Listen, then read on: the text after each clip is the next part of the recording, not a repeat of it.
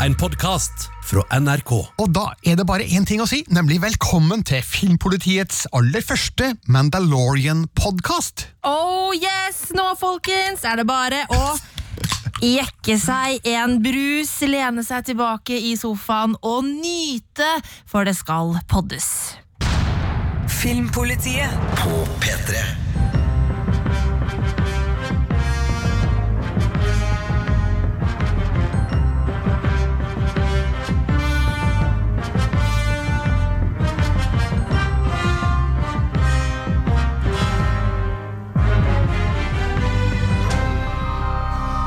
vi skal altså snakke i det vide og det brede om serien The Mandalorian på Disney Pluss, og vi er Birger Vestmo. Marte Hedenstad. og Sigurd Vik. Og nå har jo sesong én blitt ferdig på Disney Pluss. Den siste episoden kom ut på fredag, og det har vært en herlig tidlig høst, kan vi si det? Ja, det har vært helt nydelig. Jeg har jo nevnt i Filmpolitiet både på radio og i podkast tidligere at jeg har vært sur på Disney fordi vi ikke fikk eh, alltid et smekk.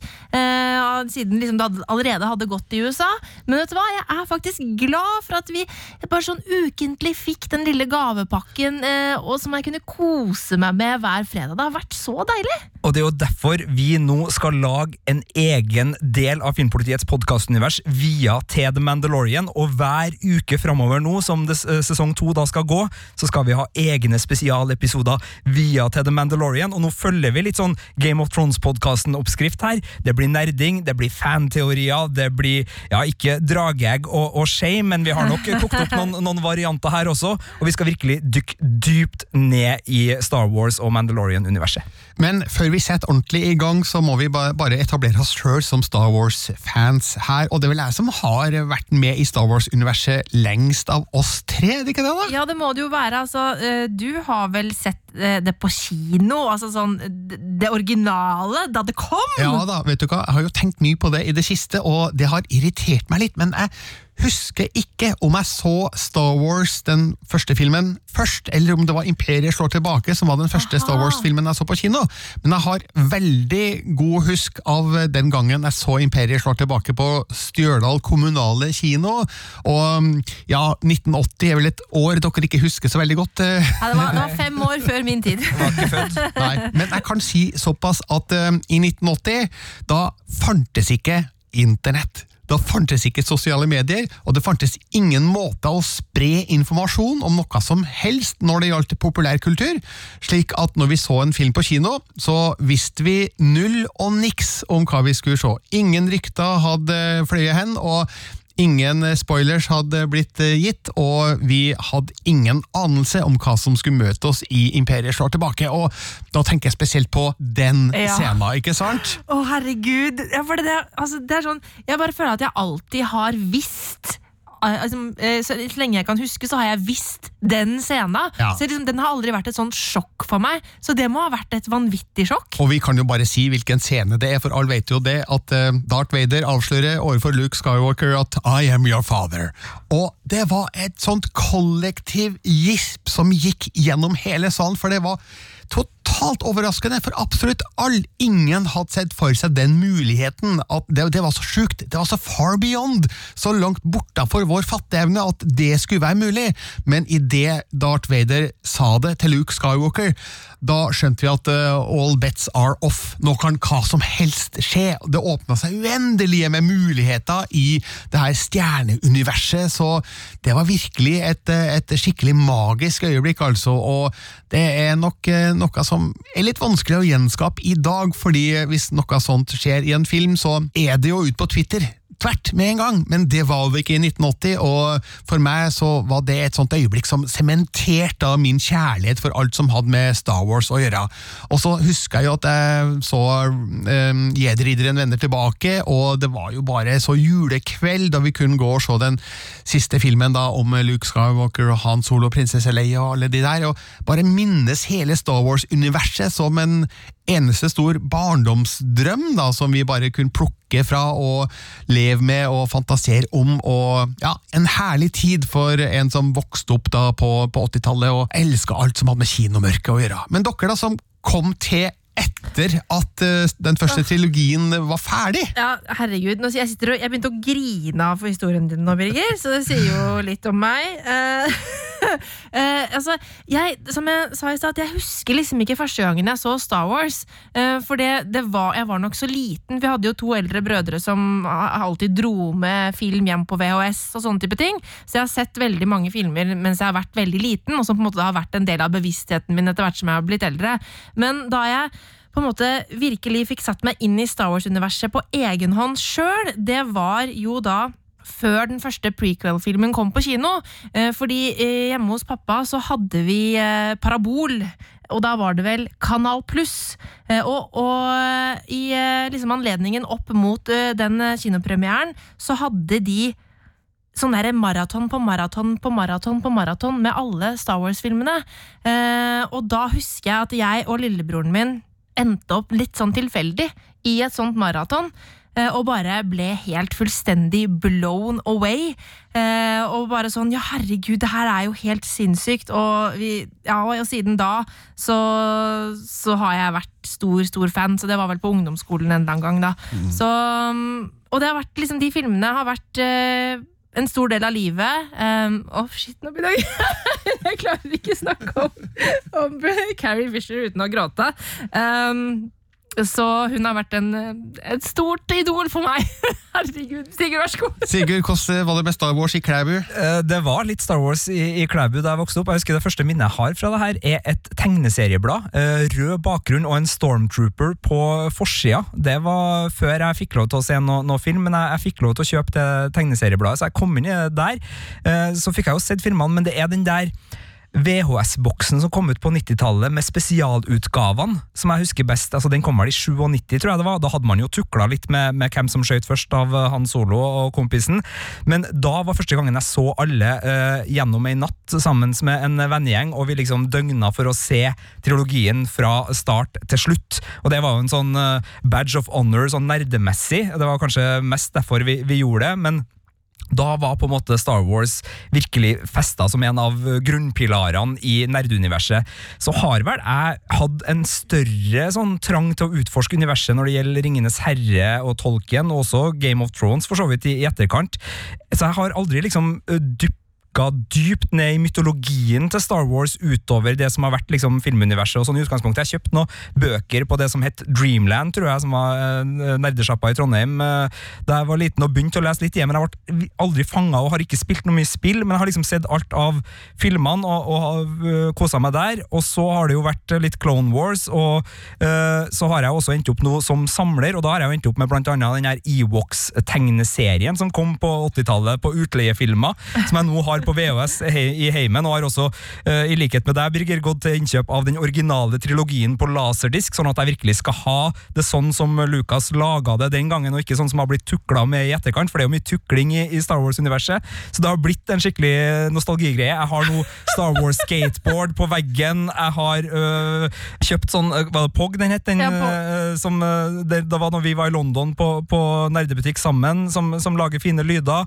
Eh, Ja, POG, og jeg har det nå på VHS, på DVD, på laserdisk, på Blu-ray og, og har det rundt meg og elsker det. Og Birger, du sitter og gliser nå, for du òg er en ganske god Star Wars-samler når det gjelder eh, det å ha filmene på fysisk format. Ja, jeg har ikke så mye som deg, men jeg har spesialutgavene på VHS, og jeg har de utukla utgavene på laserdisk, og så har jeg dem selvfølgelig på DVD i et par utgaver, tror jeg, og så har jeg dem på Blu-ray, og nå selvfølgelig da på 4K UHD Blu-ray, samt at jeg har lasta ned en eh, ulovlig restaurert utgave av eh, Star Wars episode 4 og mm, episode nummer 6, som fans har satt i stand, nettopp fordi George Lucas har jo da nekta å gi ut de originale versjonene i så god utgave som mulig. Og det var eh, stort sett prat om den originale trilogien, men det her er jo en The Mandalorian-podkast. Ja. Det var en sesong som kom seint til Norge, det her, men eh, den kom godt. Og Birger Vestmo anmeldte til en femmer. Du så hele sesongen før meg og Marte, og da var vi jo ganske trygge på at det her var ting vi kom til å like ganske godt. Ja, vet du hva? Jeg skjønte i løpet av de første ti sekundene av den første episoden at ja, men her er vi tilbake. Her er vi hjemme i det Star Wars-universet jeg husker fra da jeg var barn. Det starter jo med lyden av et sånt eh, homing beacon, som The Mandalorian eh, har med seg for å få tak i sitt siste bytte, og bare den lyden det var akkurat som å uh, gå tilbake til starten av Imperiet slår tilbake, når denne recon-roboten uh, flyr ned til Hoth og uh, sier pip, pip, pip. Det var akkurat den følelsen jeg fikk da jeg så starten på The Mandalorian. Og ja, så rulles jo hele universet ut, da, og vi kjenner oss på en måte igjen da, i ytterkanten av det etablerte Star Wars-universet, med mennesker og bygninger og fartøy som eh, virker veldig godt kjent, som kun har vært tatt rett ut ut ifra en av de første Star Wars-filmene. Så det tok ikke lang tid altså før jeg skjønte at um, disse folka, John Favreau spesielt, vet hva de driver på med. De er nok like store fans som oss, og kanskje større fans enn oss. Og de er ute etter å gjenskape det universet vi elsker, og fortelle nye historier i det. Og så må vi bare si eh, spoileradvarsel, spoileradvarsel, spoileradvarsel, for i denne podkasten så spoiler vi alt som vi vet om The Mandalorian så langt eh, av det som er blitt sluppet, og også dokumentarserien som ligger på Disney Pluss som, som ledsager denne serien. Så hvis du ikke har sett alt, så eh, vær veldig forsiktig når du går videre i denne podkasten. Men for dere som har sett nå sesong én av The Mandalorian, dere er i det beste selskap. Og det må bare si, Sigurd, Du nevnte litt om det der med det utvida universet i stad. At du har liksom størst forhold til filmene. eh, Og det er jo det jeg også har. Eh, Jeg har jo ikke sett eh, Clone Wars-serien, for eksempel. Men The Mandalorian nå, den har trigga den derre utforskertrangen som Lord of the Rings og Game of Thrones og alle disse tingene har gjort for meg tidligere. Nå har jeg bare et ekstremt stort behov for å kaste meg ut i law, for å se alt som fins, og for å lese og bare grave meg ned i nerdinga. Og jeg, jeg, jeg klarer ikke helt å beskrive hvorfor. Hva er det med Mandalorian som har trigga det? Det syns jeg er veldig vanskelig å, å, å si. Men nå er det jo brakt inn i en altså, øh, Skal ikke si at det går på aldersgrensa, for det gjør det virkelig ikke. Men altså, øh, Clone Wars, både filmen og serien og, og Rebels og sånn, det er seksårsgrensa. Det er en snillere del av Star Wars-universet, og den har virka veldig sånn her den har virka så svær og uangripelig, og så har den virka som den har foregått i en, for meg en litt sånn grå masse mellom uh, episode to og episode tre. Og jeg er ikke så stor fan av uh, den uh, prequel-trilogien som av de to etter-trilogiene. Så, så for meg så har det vært litt sånn her Nja, kanskje jeg skal dit. Jeg, så, jeg kjøpte Clone Wars da den kom, men har liksom ikke hevd meg på den serien. Men nå har vi jo en helt annen inngang til det. Altså Mandalorian har gitt oss en magisk portal inn til hele Star Wars-lauren som har ligget utenfor filmuniverset. Så jeg har det akkurat som deg. Har begynt å se Clone Wars, og jeg vet jo nå at vi er en generasjon som nok ikke heiv oss over Clone Wars fordi vi følte oss litt Jeg tenkte at det litt var øh, barnslig, ja. og så det kan man jo bare angre på nå. Så, men nå gleder jeg meg jo til å ha masse gøy å se. Og så er det nok en generasjon som er litt yngre enn oss, som har starta med Star Wars Mm. gjennom Clone Wars, og som har en helt annen uh, relasjon til det. Ja, jeg kan ta mine sønner som et eksempel, eh, eksempel på det, for de vokser jo opp med prequel-trilogien og elsker jo den. De liker jo den mye bedre enn den originale trilogien, av en eller annen sjuk grunn, som eh, har gjort noe feil der i farskapet. Men uansett, så var jo Clone Wars en veldig naturlig forlengelse av deres engasjement for den prequel-trilogien, og de har jo slukt den. Og jeg har sett en god del, men har dessverre ramla av. Jeg må ta opp igjen det her, men jeg syns jo at Clone Wars holdt seg veldig tett til eh, den, den, den viben og den feelingen da, som jeg husker da fra de første Star Wars-filmene også. Så det er jo en serie man bare må få med seg for å få det hele og fulle bildet da, av Star Wars-universet. Den eh, sesongen som nå da er, er ferdig, hadde jo en del magi og en del rollefigurer og, og en del øh, øh, ja, øh, direkte fanservice som har gjort oss begeistra. Uten at vi skal recappe hele sesongen, hva har vært høydepunktene deres fra The Mandalorian-sesongen? Altså For min del så er det jo da spesielt eh, samspillet mellom The Mandalorian og Baby Yoda, som er da bare et sånt hjerteskjønt øyeblikk i den første episoden, når eh, den lille grønne duden titter opp fra eh, vogna ligger og da hadde jeg blitt sugd såpass dypt inn i universet i løpet av den første episoden at jeg hadde helt glemt at Baby Yoda skulle være med! Jeg har jo selvfølgelig fått med meg at Baby Yoda var en viktig figur i Mandalorian i månedene som gikk i forkant, fordi serien hadde jo gått ferdig for lengst i USA, men jeg var så djupt inne i den etableringa av universet og av Mandalorian-figuren at det, det streifa meg ikke at ja, hei, skal ikke Baby Yoda komme inn her? Og, og da han titta frem fra teppet sitt eh, helt i slutten av eh, første episoden, så tenkte jeg å ja! Selvfølgelig, han er jo med her! Og da ble jeg enda mer glad. Ja, altså, jeg er så sinnssykt forelska! Det må være rart. Hvis noen liksom skal å, liksom, eh, se at jeg sitter og- i sofaen og ser på The Mandalorian, så er det veldig mye sånn derre Masse sånne der lyder, for han er bare så sinnssykt søt. Eh, og eh, jeg må jo bare si, jeg holdt på å le meg i hjel av den eh, dokumentarserien som også ligger i, i Disney Pluss eh, om The Mandalorian, hvor, det blir, hvor det blir fortalt at Werner Herzog på et tidspunkt glemmer at Baby Yoda bare er en dukke, og at han på en måte begynner å snakke til den og liksom gi den regi, og de dukkefolka bare ok.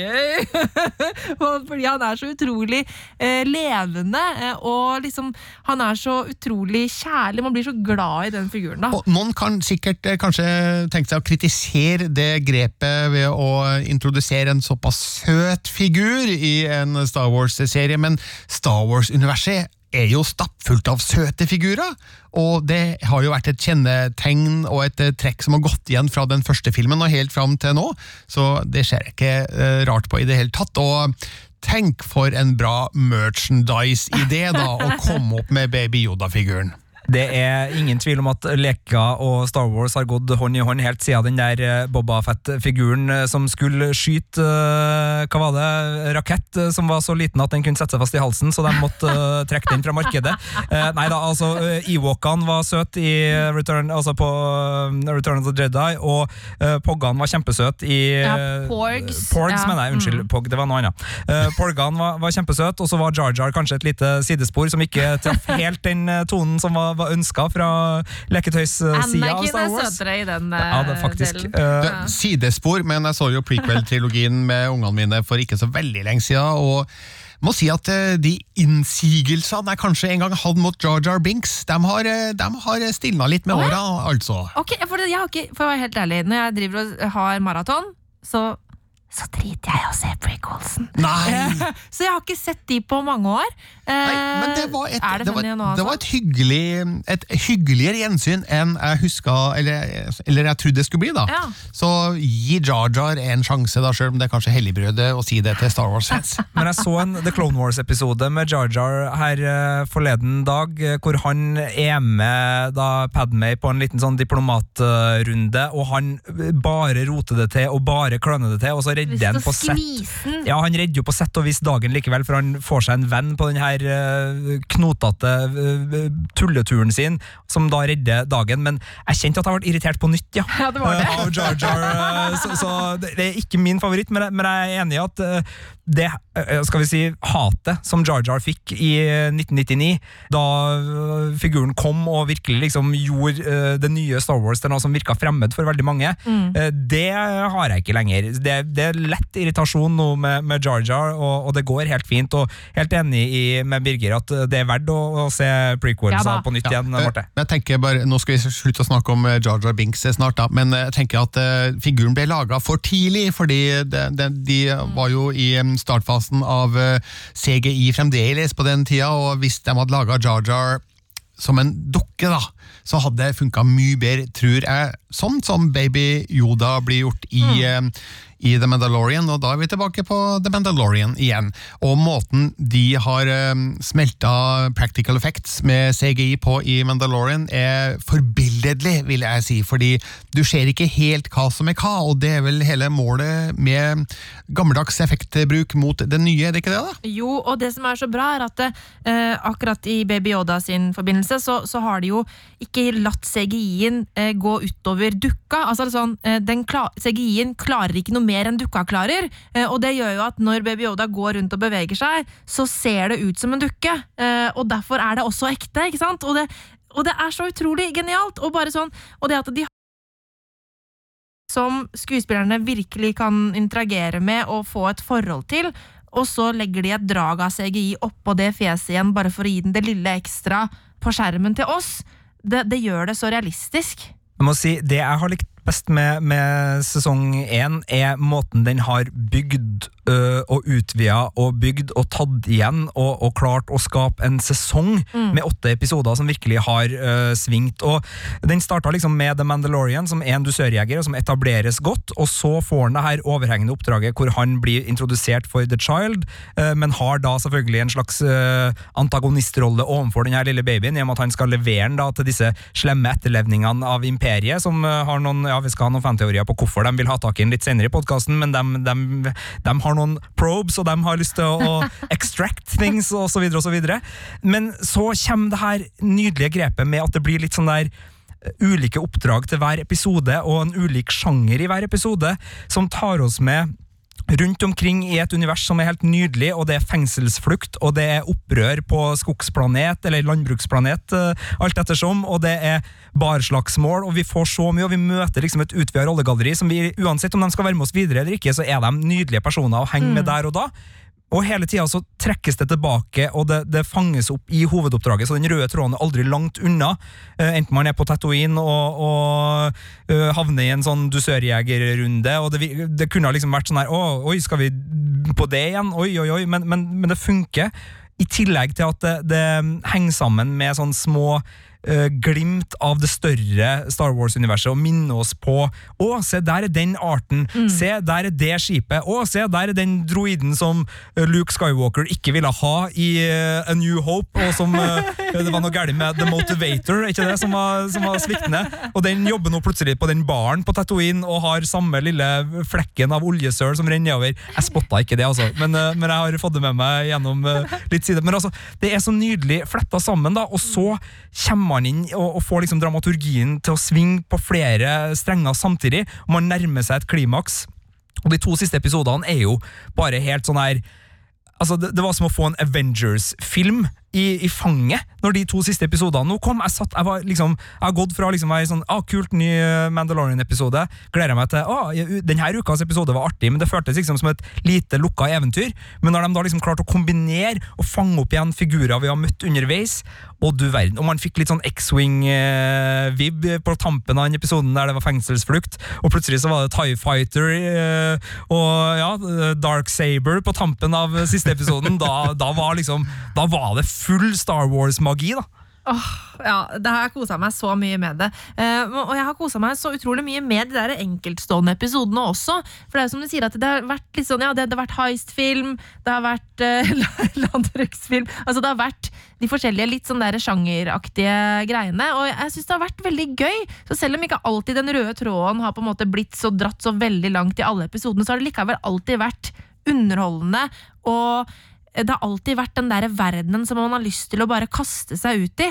Eh, og det syns jeg den serien her har klart i større grad enn en filmene noensinne har klart. Mener jeg, på ekte. Fordi altså, sånn, og, og, for det, altså, jeg har aldri før hatt det der intense behovet for å utforske mer av universet enn det som jeg har sett på film. Nå har jeg det. Jeg er enig med deg i at Mandalorian viser oss jo stadig nye sider av Star Wars-universet som filmene ikke har eh, vært interessert i å vise oss. da. Mm. Men nå forstår vi jo hvor stort og rikholdig det kan være. og jeg tenker, ja, Show us the money! Altså, Vis oss eh, hva som finnes her, for vi forstår jo nå at eh, det er uendelige med muligheter nå i The Mandalorian til å til å vise oss hjørnet av de skitne, mørke, små hjørnene av Star Wars-universet som filmene er for store til å bevege seg inn i. da. Og nå har jo da den første sesongen vist oss at den episodiske strukturen fra filmene lett lar seg overføre, selvfølgelig, da, til en TV-serie. Det er nok noen av episodene som føles litt for løsrevet ut ifra den store sammenhengen, men som du sa, Sigurd, det kommer sånne små vink hele tida som fører oss tilbake inn på hovedsporet og eh, enig i at de siste to episodene spesielt er jo supersterke da, ved å ta tak i det som eh, bygges opp i løpet av de første episodene, og få det til en spennende og, og satisfying konklusjon. Mm. Tilfredsstillende heter det på norsk. Ja, Og så må vi bare snakke litt om uh, nyvinningene, altså teknologien. Jeg I was shooketh!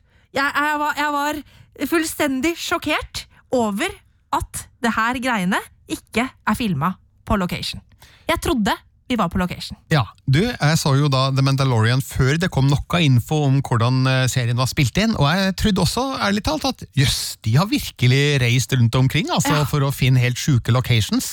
Det her er imponerende, jeg hadde ikke trua på at de hadde et så stort budsjett. Sykt imponert! Men så er alt innspilt i Los Angeles i et studio. Det er helt utrolig ja, uh, hvor utrolig bra det her er. Altså, vi, det vi snakker om, er The Volume. Den nye teknologien som de rett og slett har eh, eh, slått seg sammen med en hel gjeng og laga for å få rett og slett slutt på green screen, Ja. eh, for å si det veldig enkelt. Teknologien heter vel Stagecraft, Ja, Stagecraft, mens ja. The Volume er en gedigen LED-skjerm som, Som er er en ring. som omslutter hele Ja. settet, både på, på vegger og på tak, i en sånn slags iglo-form. Ja. eh, Der de kan vise hva som helst av eh, bakgrunner, og så kan de da filme figurene mot det, og de har kameratracking, slik at når kameraet beveger seg, så beveger også bakgrunnen seg. Og eh, det her har vi jo skjønt eh, er i startfasen, men eh, jeg har lest en artikkel på starwars.com der de forteller at eh, de har lært masse i den første sesongen, slik at det blir sjukt mye bedre, visstnok i den andre sesongen. Ja. Og hvis det skal bli mye bedre enn det her, så vet jeg ikke helt hvor det kan ende opp hen, men i hvert fall så kan vi nok takke John Favreau for det her, for han har jo jobba veldig mye i det digitale elementet, spesielt da med Disney-filmene Jungelboken og Løvenes konge, der han brukte veldig mye mm, digital teknikk, og det har resultert i en eh, forholdsvis ny måte å jobbe på, fordi i gamle dager, som er inntil få måneder siden kanskje, eller få år siden, så, så var jo green screen det mest brukte redskapet da, for å kunne filme skuespillere, og så lager man da noen backdrops i ettertid, men her står da skuespillerne foran backdropet, de står i den verden de skal spille i, og det vil jeg jo anta gir dem en helt ny måte å leve seg inn da i rollene sine på. Og så ser det jo så utrolig mye bedre ut, for eh, nå skal ikke jeg si at jeg alltid klarer å spotte hva som er green screen og blue screen og alt, men det er mange, sånn, det er mange nyanserte bruk av, eh, av den teknologien eh, i, i film og TV, eh, men veldig ofte så ser du det fordi at det, det er noe feil med skyggen, det er et eller annet med lyset som ikke helt stemmer, og selv om ting kan se ekte ut, så er det et eller annet bak i liksom hjernen som bare sånn skurrer lite, lite grann. Eh, og det var noe grunn til at jeg virkelig trodde vi var på location her. Fordi Mandalorian altså han har en eh, rustning som reflekterer alt av lys. eh, og det er jo nesten umulig eh, hvis du bruker grønnskjerm og få det til å se bra ut. Men det lyset som vi ser som reflekteres, er jo faktisk ekte lys ikke sant? fra den LED-skjermen og det taket rundt. Så det, det gjør jo at det, du kan liksom se sola som reflekteres i liksom hjelmen hans. Det er den ekte sola, på en måte! Og det, det gjør at den, den verdenen blir så realistisk. Øh, så jeg er så utrolig imponert, rett og slett. Jeg må jo da si at jeg vil jo fremdeles eh, foretrekke at man faktisk er på locations. Ja, altså Det har jo noen restrik... Altså, den, det er, altså, du, må jo på en måte holde scenene dine innenfor the volume, altså, som er en, en viss størrelse. Så selvfølgelig hvis man er på location, så blir det sikkert enda bedre. Ja. Men likevel, jeg ble lurt. Ja, men man må jo ha forståelse for at en eh, TV-serie tross alt vil ha litt begrensa muligheter til å reise verden rundt for å Bortsett fra Game of Thrones, da. Eh, Så det her kan nok være en veldig god måte å løse den problematikken på, da. Men eh, hvis vi ser på eh, filmproduksjon og serieproduksjon fremover, så vil jo flere kun bruke den samme teknologien som The Mandalorian har gjort. Men eh, jeg håper jo at man ikke ramler tilbake på at eh, da gjør man bare det, Nei. men at man faktisk reiser rundt. da. Men eh, det virker jo som at eh, The Mandalorian har eh, lyktes veldig godt med sjansespillet det var å satse på den nye teknologien, og så gleder vi oss til å se hvordan det her utvikler seg videre i da den andre sesongen som eh, snart er her. Og de som har fulgt eh, Game of Thrones-podkasten som eh, Sigurd og jeg har hatt, de har jo fått med seg at vi har pleid å dele ut drageegg og shame til det beste og det dårligste eh, med serien. Og vi må jo følge den tradisjonen, men det er, det det er jo ikke akkurat drageegg Det er noe egg i det Mandalorian, men det er ikke drageegg. Så vi skal ikke dele ut det, men vi skal dele ut andre ting. Og vi har bestemt oss for at det verste, som liksom er ukas verste ting, det verste for sesong én i dette tilfellet, da, det er ukas Stormtrooper. Fordi Ja, De bommer alltid. Ja, for det er jo litt kontroversielt, for det er jo mange som er glad i Stormtrooperne. Ja, altså, men, men her er det At de bommer! Altså, vi sier jo ikke at Stormtrooper er dårlig, men altså, ukas Stormtrooper betyr at her er noe de har bomma på, fordi Stormtroopere bommer jo alltid! Som jo er veldig uh, vittig. Eh, liten pønn på i en av disse episodene i løpet av serien, eh, by the way. Eh, veldig funny. Og Eh, eh, i og med at jeg eh, er glad i å terge Marte, hvis noen nå kommer på et eksempel der en stormtrooper har truffet, så gjerne send oss en e-post på filmpolitiet alfakrøll nrk.no, sånn at vi kan slå Marte i hodet med Ja, den altså, opplysninga. altså, noen må jo treffe, men det er derfor de går på rad og rekke. Ikke sant? Sånn at det, Hvis alle skyter rett frem, så vil noen av de treffe noe. Men de bommer som regel. Derfor er ukas Stormtrooper er noe som liksom serieskaperne eller skuespillerne eller et eller annet har bomma på, som er dårlig. Eh, og så skal vi dele ut da eh, noe som er bra. Eh, og da måtte vi liksom, ja ok, Hva er det i Mandalorian-universet som er liksom bra, som er skikkelig bra? Hva er det som er godt som gull, liksom? Jo, det er noe som er enda bedre enn gull, og det er Beskar. Altså Mandalorian-stil. Det som rustningen til Din Djarin er laga av. Som liksom, det kan motstå liksom phaser-skudd direkte. Til og med lightsaber-hugg kan, eh, kan den stå imot. Det her er liksom det edleste av det beste metallet som, som er mulig å få fatt i. Så ukas Beskar er det som deles ut eh, til det beste, rett og slett. Du, det her høres veldig morsomt ut. Jeg er litt spent på hva som blir stormtrooperne deres, fordi det er ikke så mye negativt, Maine er, da, å trekke ut ifra The Mandalorian, men hvem har lyst til å begynne å dele ut? Ja, ikke jeg. Nei, det, det er den vanskeligste biten. Men, men vi kan jo si det sånn at nå tar vi, i og med at dette er første episode av Ja. den nye Mandalorian-podkasten til Filmpolitiet, så deler vi ut for sesong én som helhet, men Ja. i de kommende episodene, altså når vi skal podde hver episode av Mandalorian sesong to, så blir det liksom for episoden, og så Ja. blir det vel for hele sesong to, da, når vi kommer i mål i, i andre enden. Men altså, det de bomma på i sesong én, den er Den synes jeg er Veldig vrien. veldig vrien, for selv om jeg ikke er uenig med Birger Vestmo som ga terningkast fem og ikke terningkast seks til sesong én, eh, så hadde det mer med at den brukt så, altså den lente seg så mye på tidligere verk at originaliteten på en måte ikke fordra en, en av de aller beste terningene, men det var liksom ingen gang at jeg virkelig følte at her, her har dere bomma, som om en stormtrooper liksom ikke treffer. Det eneste.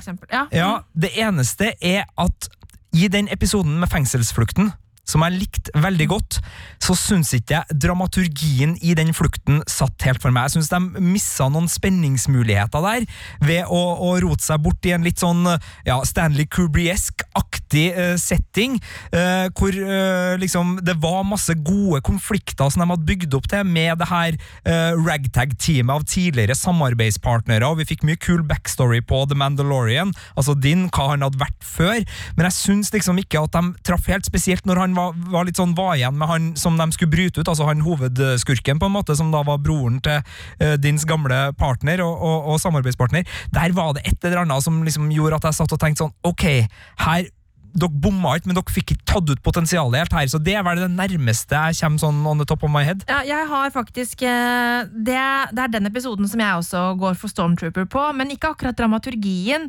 Der hang jeg meg opp i regien. Eh, Jeg syns det var litt dårlig regi. Eh, Jeg syns flere av skuespillerne var altfor overspilte. Jeg likte f.eks.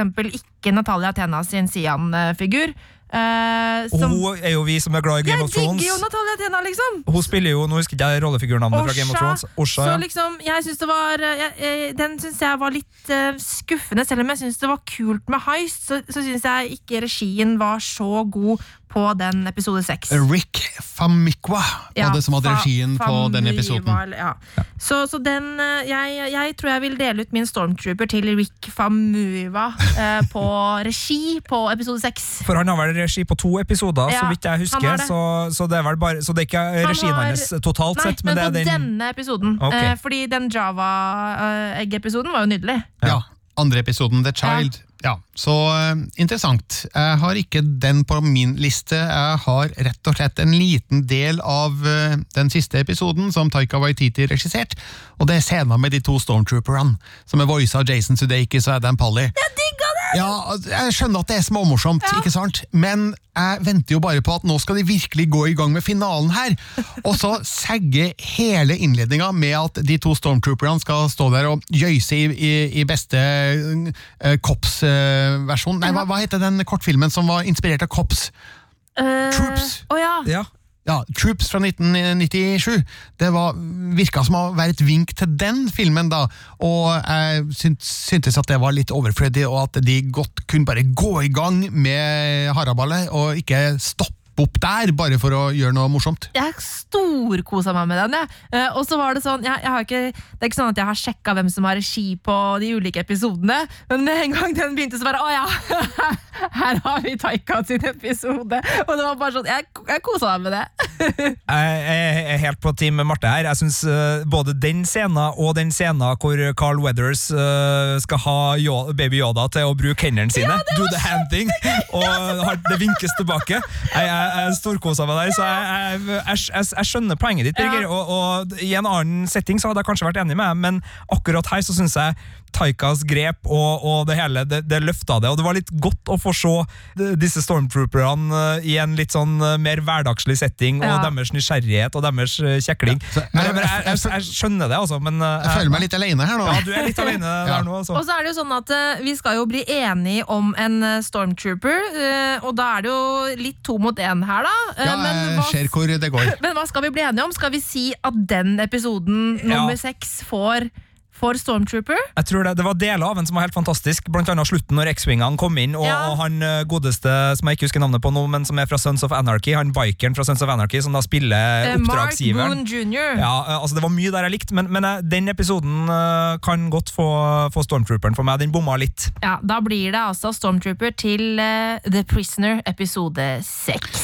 Ok, så det var Stormtrooperen, men så var det da uh, sesongens beskar. Ja, uh, og der er det jo så sinnssykt masse å ta av! Eh, Det er jo kjempevanskelig å å liksom plukke ut én ting. Eh, Du skal har plukke lyst- ut én ting, Marte. Hvem, ok, Er det jeg som skal begynne nå? Jeg føler alle ser på meg. Nei, ja, ja, eller Birger kan få Ja. begynne. Han var sist uh, ute. Ja, vær så god. Ok, Da er vi fremdeles i eh, den siste episoden av sesong én, altså eh, Redemption.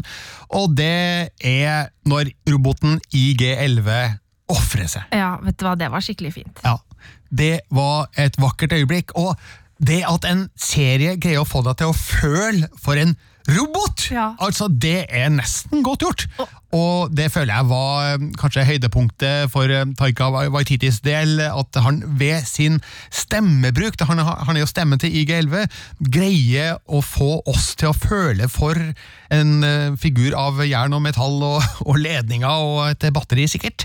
Det var et høydepunkt for min del da, i den siste episoden. Ja, Det Så var skikkelig fint. jeg tror jeg må gi en beskar til, til IG11. Ja, fordi Ja. Det var så kult hvordan, hvordan han klarte å eh, få på en måte oss til å forstå at The Mandalorian også eh, var lei seg. Eh, Jeg synes Det var så finurlig løst. Eh, synes- det var en veldig fin scene, ja. Men hva er ditt forslag, Sigurd? Nei, jeg, jeg skal bare Rollefiguroppbygginga til den eh, droiden er Ja. også helt nydelig. At den går fra å være en, en litt sånn blodtørstig konkurrent eh, til å få da den der episoden hvor uh, Nick Noltes uh, Ugnot, eh, som jeg ikke husker navnet på akkurat nå, Quill. Quill.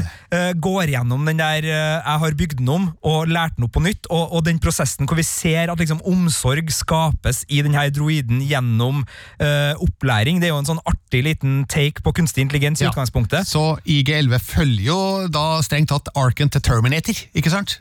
Og jeg er jo stor. Terminator-fan, så det er kanskje derfor at IG11 har såpass eh, Oi. Ja. eh, mye eh, påvirkningskraft eh, på mitt hjerte. Et nydelig forslag. men jeg, må, men jeg må bare si, eh, Vi kan ikke bare kalle han for Nick Noltes Quill. Altså, Nei, nei, nei. For at det, det, altså, Misty Rosas eh, som spiller nå, og, og dukkemakerne som fikk sitt tryne. Og de, alle disse er en del av denne figuren, som er helt nydelig.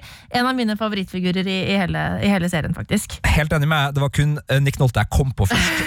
for jeg husker ikke da navnet på, på, på resten, og ikke figuren heller. Men eh, et kjempeforslag, eh, Vestmo. Eh, virkelig. Ikke mitt, men Marte, hva er ditt? Det her er dritvanskelig, fordi at jeg vil gjerne ha lyst til å dele ut Beskar til Quill, som jeg syns er en helt nydelig figur. Jeg har lyst til å, å dele ut Beskar til Uh, altså, hva heter det? Uh, hun dritkule bounty hunter Cara Dune? Cara Dune. Så tøff! Uh, men det må bli Ludvig Göransson.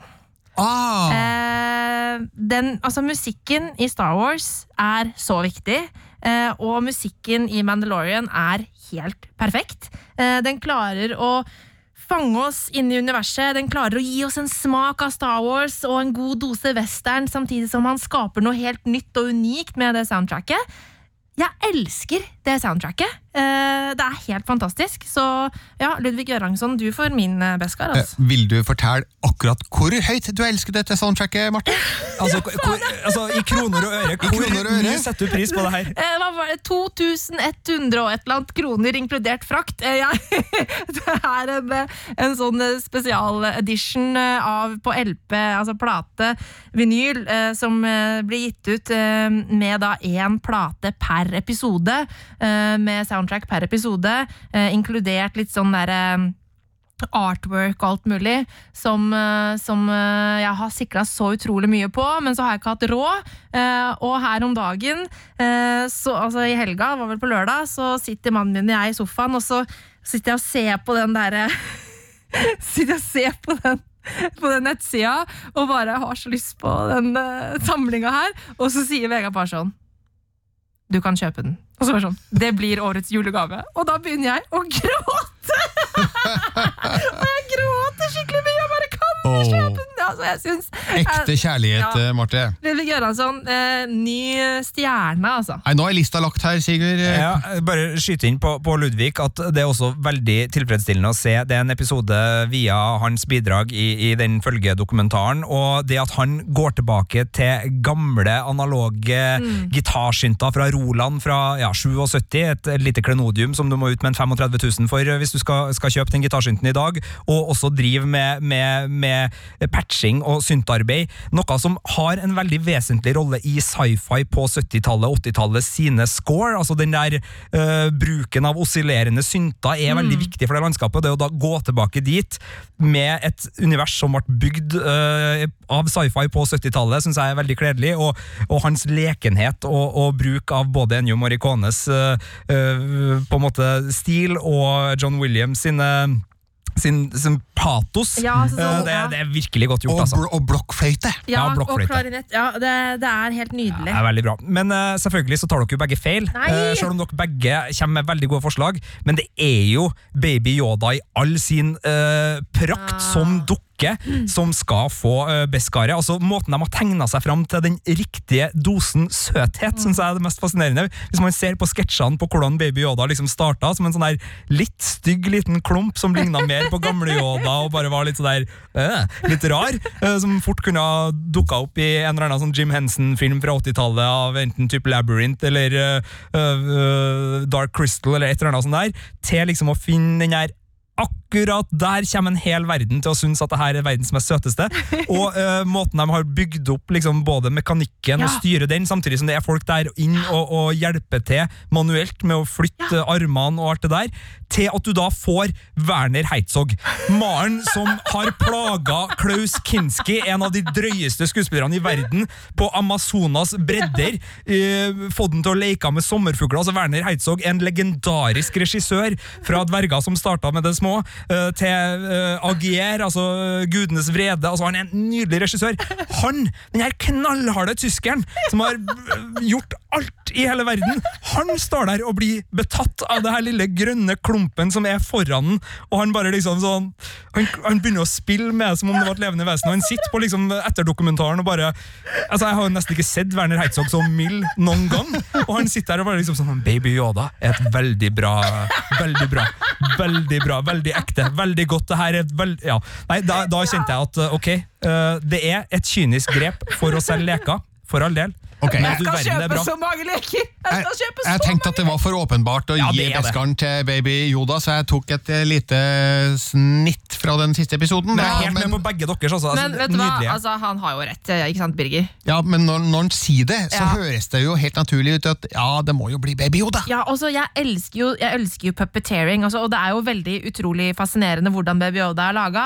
Du har en, en, person som styrer liksom kroppen med en faktisk dukkemaker som er på sett, eh, og styrer med pinner, og så har du en som styrer ørene med, med liksom radiobil, holdt jeg på å si, radiostyrte ører, radiostyrte øyer og radiostyrt fjes. Og alle disse skal på en måte harmonere sammen for å skape ett levende vesen. Det er jo helt utrolig fascinerende.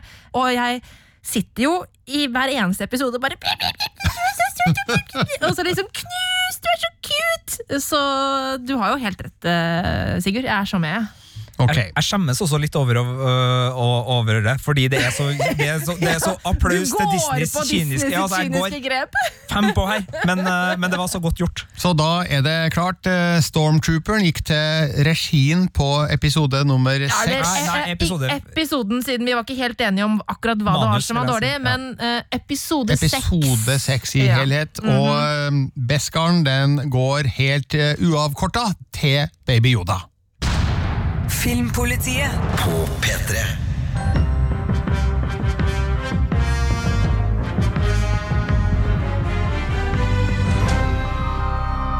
Men er vi ferdig med Filmpolitiets Mandalorian-podkast? Å nei da, for hvor skal vi nå, Marte? Nå, folkens, er det bare å kanskje lette litt grann på øreproppene. Ta headsetet litt grann unna ørene, fordi nå, kjære deg som hører på, er det på tide å skue fremover. Eh, altså, dette her er jo en eh, galakse langt, langt borte, a long, long time ago. Vi er jo i nåtid, så kanskje vi vet litt om hva som kommer til å skje. Og derfor, kjære deg, er det klart for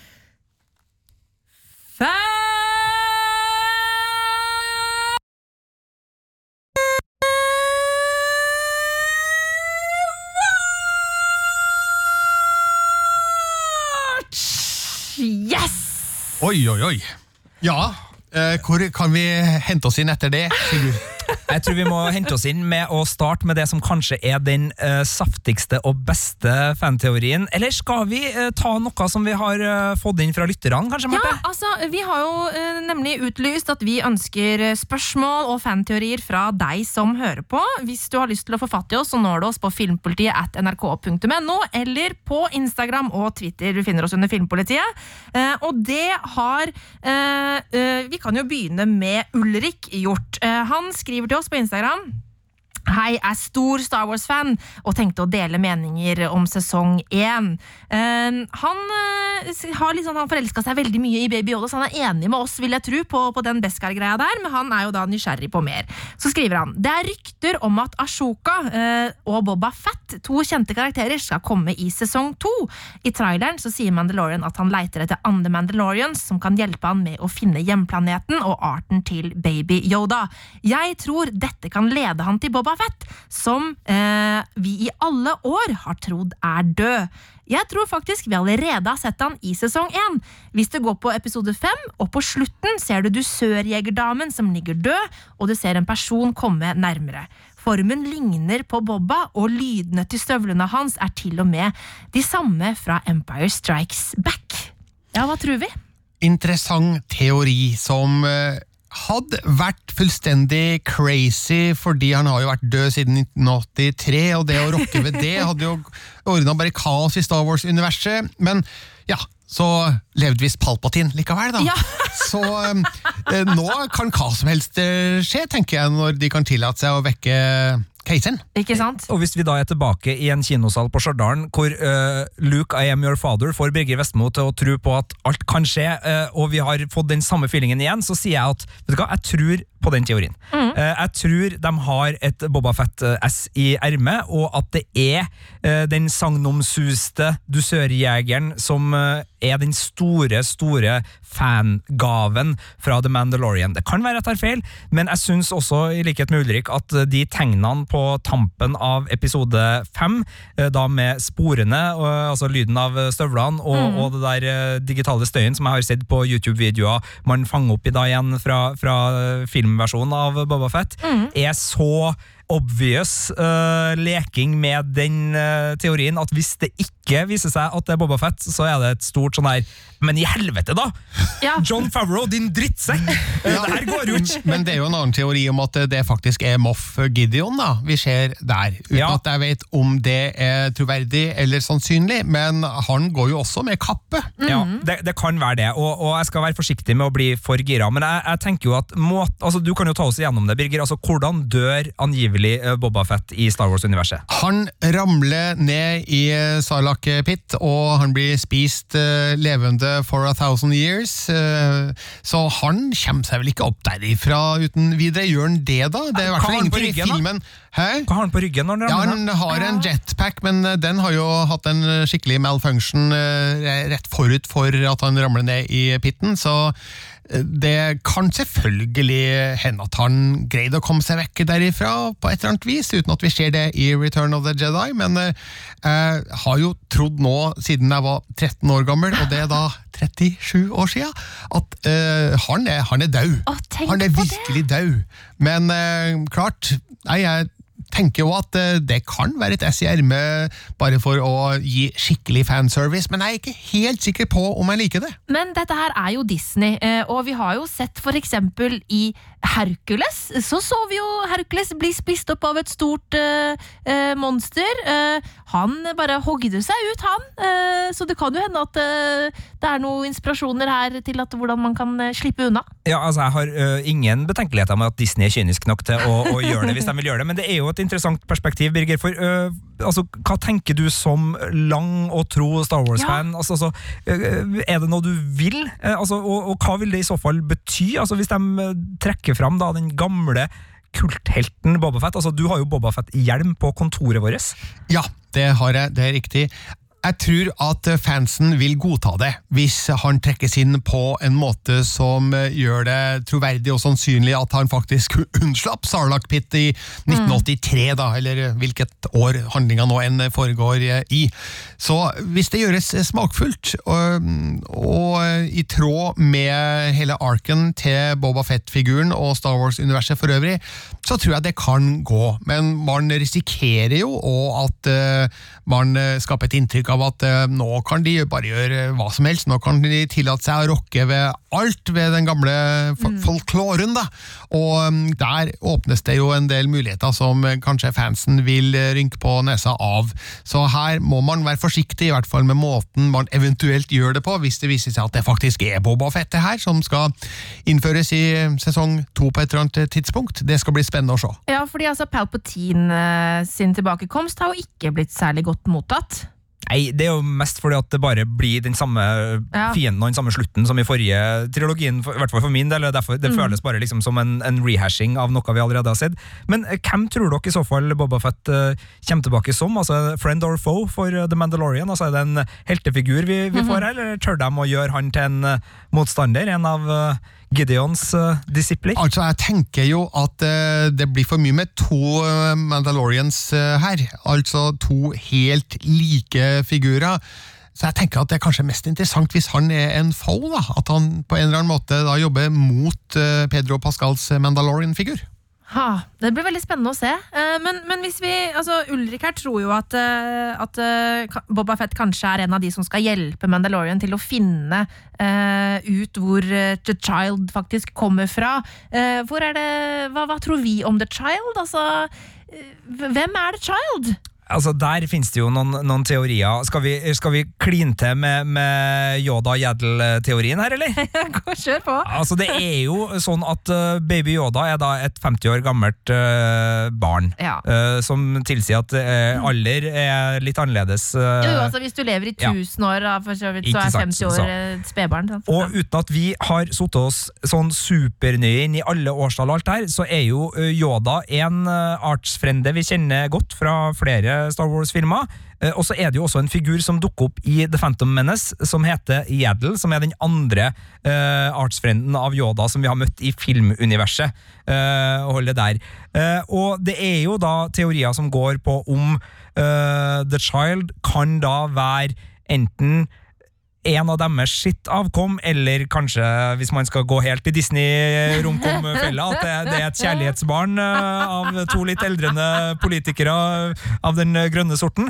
Eh, eller det er også teorier som går på at eh, The Child er klona fram, så det er mange teorier her, men, men tror vi at Ta det store, da, så tror vi at Yoda kan ha noe genmessig Eller er i slekt med The Child? Nå tenker jeg bare på hvordan det vil se ut hvis Yoda har seg. Ja, men det var akkurat det som jeg satt og tenkte på! Dere er jo sjuke i hodet, begge to. Det der går ikke, tenkte jeg. Det, det, det, det går ikke an. Nei, altså, jeg tenker at det hadde blitt litt far-fetched. Ja. At den, den teorien er interessant, men eh, det er litt for out there til at eh, vi kan eh, godta det uten videre, tror jeg da. Så Vi eh, er nok i det blå, eh, tror jeg, da, i forhold til hvor Baby Yoda kommer fra, og eh, hvem som eventuelt er hans foreldre. Så det svaret tror jeg ikke vi får, kanskje ikke i sesong to engang. Men, men akkurat det der med, eh, med hvem er foreldrene til hovedpersonen, er jo en Star Wars-greie som Ja. har uh, virkelig vært der helt fra, fra Birger i en kinosal på Stjørdal. Jeg skal tilbake dit hver gang. Han fikk, fikk hakaslepp da det viste seg at Darth Vader var faren til Luke Skywalker. Uh, men, men altså, det der det, Og det drev jo det med Ray framover òg. Ja. altså, det var det store spørsmålet. Hvem er liksom opphavet? Hvem er opphavet? Så det er jo ikke helt sånn off character, og, og også da la oss eh, bruke veldig mye hjernekapasitet Ja, gjennom sesong to på hvem kan være opphavet til Baby Yoda. Jeg kjenner at jeg ble litt irritert jeg, over at uh, Jeg likte ikke at Ray var Palpatine. Eh, Jeg synes det var, hvorfor, skal- liksom, hvorfor skal absolutt alle være i slekt med liksom no, den lille kjernen? Jeg syns det blir litt sånn for dumt. Uh, men så jeg, jeg håper ikke at, eh, at eh, Baby Yoda er i slekt med, med Yoda, egentlig. Men, eh, men jeg, jeg drev og lurte på her, og, da, og her trenger jeg litt hjelp, kanskje fra hvis du som hører på har peiling på årstall osv. For jeg lurte på, kan det være at, at The Child er en overlevende etter da Anakin slakta ned Younglings, younglings i altså Jedi-tempelet? Kan han ha vært en, eh, en veldig, veldig, veldig ung paddavann? padawan? Eh, kan det stemme overens med tid og sånn? Eh, hvis du har peiling på det, send det inn til filmpolitiet.nrk.no, for er vel, det er det jeg, jeg har tenkt, da. Ja, for, kanskje- for ung til å være padawan, men, Ja, altså, men altså, han young- er en, young, en youngling, liksom. ja, som, med, med eh, krefter. som eh, har eh, krefter, men som ikke liksom rakk å bli Og at kanskje han er den eneste som er igjen av, av dem, liksom. Det, det kan det, Og at det er derfor han jaktes på. Vi vil gjerne ha det her, fordi øh, øh, det er jo verdt å merke seg at hvis jeg skal tro på internett, så er Anakin og The Child Mm. Nå sier vi Baby Yoda. Det kan dere også si fram. Syns dere at Baby Yoda er et for tullete navn, og at vi skal bruke The Child øh, fram til vi får noe bedre, eller er det greit at vi sier Baby Yoda? Ja. Eh, Jeg skriv liker jo egentlig best The Child. The Child. Men eh, The Child og Anakin skal visstnok være sånn cirka jevngammel. Uh, sånn cirka Ja. født eh, på, på samme tid. eh, 50 år da, i, i det her Mandalorian-universet. Så det betyr så det betyr Ja. jo at uh, The Child minus, eh, levde jo da uh, mens Anakin gikk på en liten rampage i det Men hvorfor tempelet. har han ikke noe språk? Hvorfor er eh, et spedbarn? Er det fordi at rasen har en så veldig saktegående utvikling? Nei, altså hvis, altså hvis eh, Hvor lenge lever Yoda? Eh, altså, uh, si at han blir 600 år gammel, da. Ja. Så er jo 50 år hvor, gammel, altså, hvor, gammel, hvor mye stor del av Nei, livet ikke, er det? ikke så sant? veldig, da. Men vi Forbi spedbarnsstadiet. Ja, men han vidt, driver jo og stabber rundt. Men Ja. altså, kids kan jo ikke snakke ordentlig før de er hva, to? Ett? To? Men vi, vi ser jo i The Mandalorian at uh, The Child, nå slutter jeg å si Baby Yoda, da, Uh, bruker jo uh, noen krefter. Ja. Og da er jo spørsmålet er dette instinkt, eller har han blitt trent av noen? Mm. De Hva- hva- virker jo så eh, på en måte god og kontrollert, og, og han gjør det når det trengs, og ikke ellers. Og han blir jo helt utslitt, så han vet jo tydeligvis Eller hun, Øh, altså det, vet jo tydeligvis Det er en eh, gutt, jeg føler det er en gutt. Jeg blir veldig overraska hvis det er en jente. Å herregud, tenk hvis Yoda er en jente!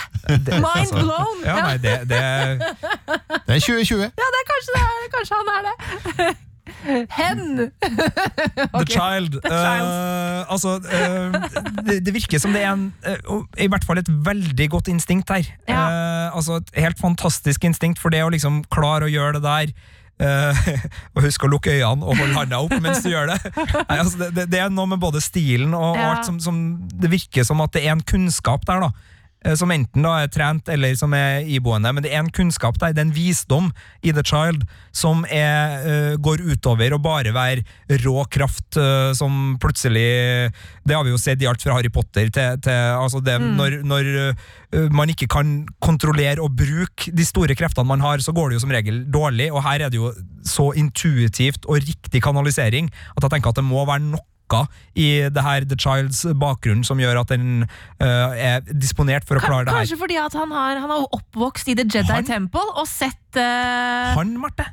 Ja, hen er oppvokst i The Jedi Temple og sett rundt seg hvordan The Force skal brukes. Men apropos The Force, eh, Juni har sendt oss en melding på Instagram. Eh, hun skriver Jeg syns det er rart at ingen av de vi følger i serien, kjenner til Jedis eller The Force. Hva er deres tanker om dette? Det er vel mulig at de gjør det, men at det ikke har vært naturlig å ta det opp da i eh, den dialogen vi har fått eh, ta del i. Jeg vil jo bli overraska hvis eh, Jedis ikke er kjent i den delen av Star Wars-universet som vi blir innført i her, men bare at det har ikke vært et tema, da. Ja, altså er- når, de, når de snakker litt om på en måte den derre Hva er det de nevner om den derre Når han skal finne liksom det, det The Old Foe, eh, så nevnes det jo eh, Og da vet jo ikke The Mandalorian så veldig mye om det, men, eh, men altså det er det så rart? Altså, det er en himla stor galakse. og på dette tidspunktet så er jo egentlig jedienes makt ganske mye mindre enn den var før. Ja, men The Jedi har jo returna bare for fem år siden. Martin. Det, Jo, altså, nei, jo, men altså, det er jo bare Det er jo ikke, Ja. det er ikke, ikke, ikke som en stor makt med masse folk og svært råd og, og masse sånn her. Men det her er interessant, for det går også litt inn i den siste scenen vi ser, eh, hvor eh, det dukker opp en lyssabel, eller en, et lasersverd av en viss karakter. Og uh, Dark Saber. The Darksaber ble uh, angivelig da brukt av Tara Wisla, som er en gammel mandalorisk kriger, som også var Jedi-ridder. Så at uh, Jedi-ridderen er en fiende for Mandalorians, er selvfølgelig en del av sannheten. Men det en. Ja. uh, Men, men det har også vært eh, på en måte holdt på å si samarbeid mellom her. og det er jo en, Den uh, lyssabelen dukker jo også opp i Clone Wars, og, og vi ser eh, Darksaber. Darksaber. Eh, vi ser blant annet at Obi-Wan Kenobi er i kamp mot denne Darksaberen, da den tilhører en mandalorisk Som jeg ikke husker navnet på akkurat nå, beklager det. Jeg skal, skal bli flinkere på, på navnene her utover i, i podkasten. Men, men det er jo en, en veldig interessant greie at den nå dukker opp da i hendene på, på erkeskurk nummer én uh, i seg sjøl, men den er også et bindeledd da som sier at Jedi uh, og Mandalorian har overlappa i, i fortiden, så det er ikke bare at de er to gamle fiender. Eh, her har det gått litt fram og tilbake, og, og Mandalorian, enten man ser på det som en art eller en klan eller en creed, eh, har da uh, veksla i, i sin allianse med, med kraften. Ikke sant? Men, eh, men jeg må innrømme Juni, at jeg også stussa litt i den scenen hvor det er litt åpenbart at Mando ikke helt eh, vet sånn Han har ikke veldig stor innsikt i eh, hvem Jediene var. Eh, så stussa jeg også litt på det, men jeg syns likevel at det er troverdig eh, i fiksjonsuniverset. Men Det er godt mulig at Jediene kanskje ikke var så kjente overalt i absolutt hele Star Wars-universet.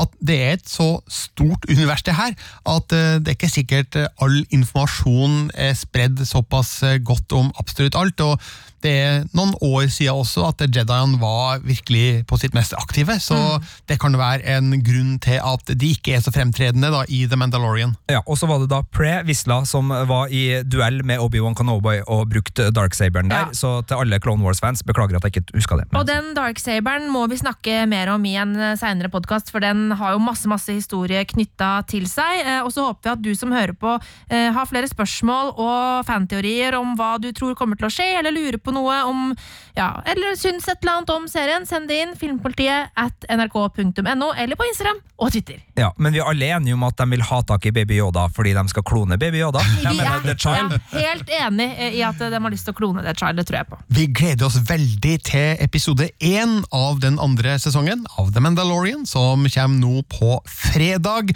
Da skal den anmeldes på våre nettsider, og vi skal snakke i det vide og det brede om den i den neste episoden av Filmpolitiets Mandalorian-podkast. Og vi som har sittet her i dag, er igjen Birger Vestmo. Marte Hedenstad. Ashaka Otano. Nei, jeg mener eh, Sigurd Vik. Eh, Jeg gleder meg veldig til at vi muligens skal få eh, Anakins Paddevann med i spillet også, forresten. Takk for meg. This is the way. Du har hørt en podkast fra NRK. Hør flere podkaster og din favorittkanal i appen NRK Radio.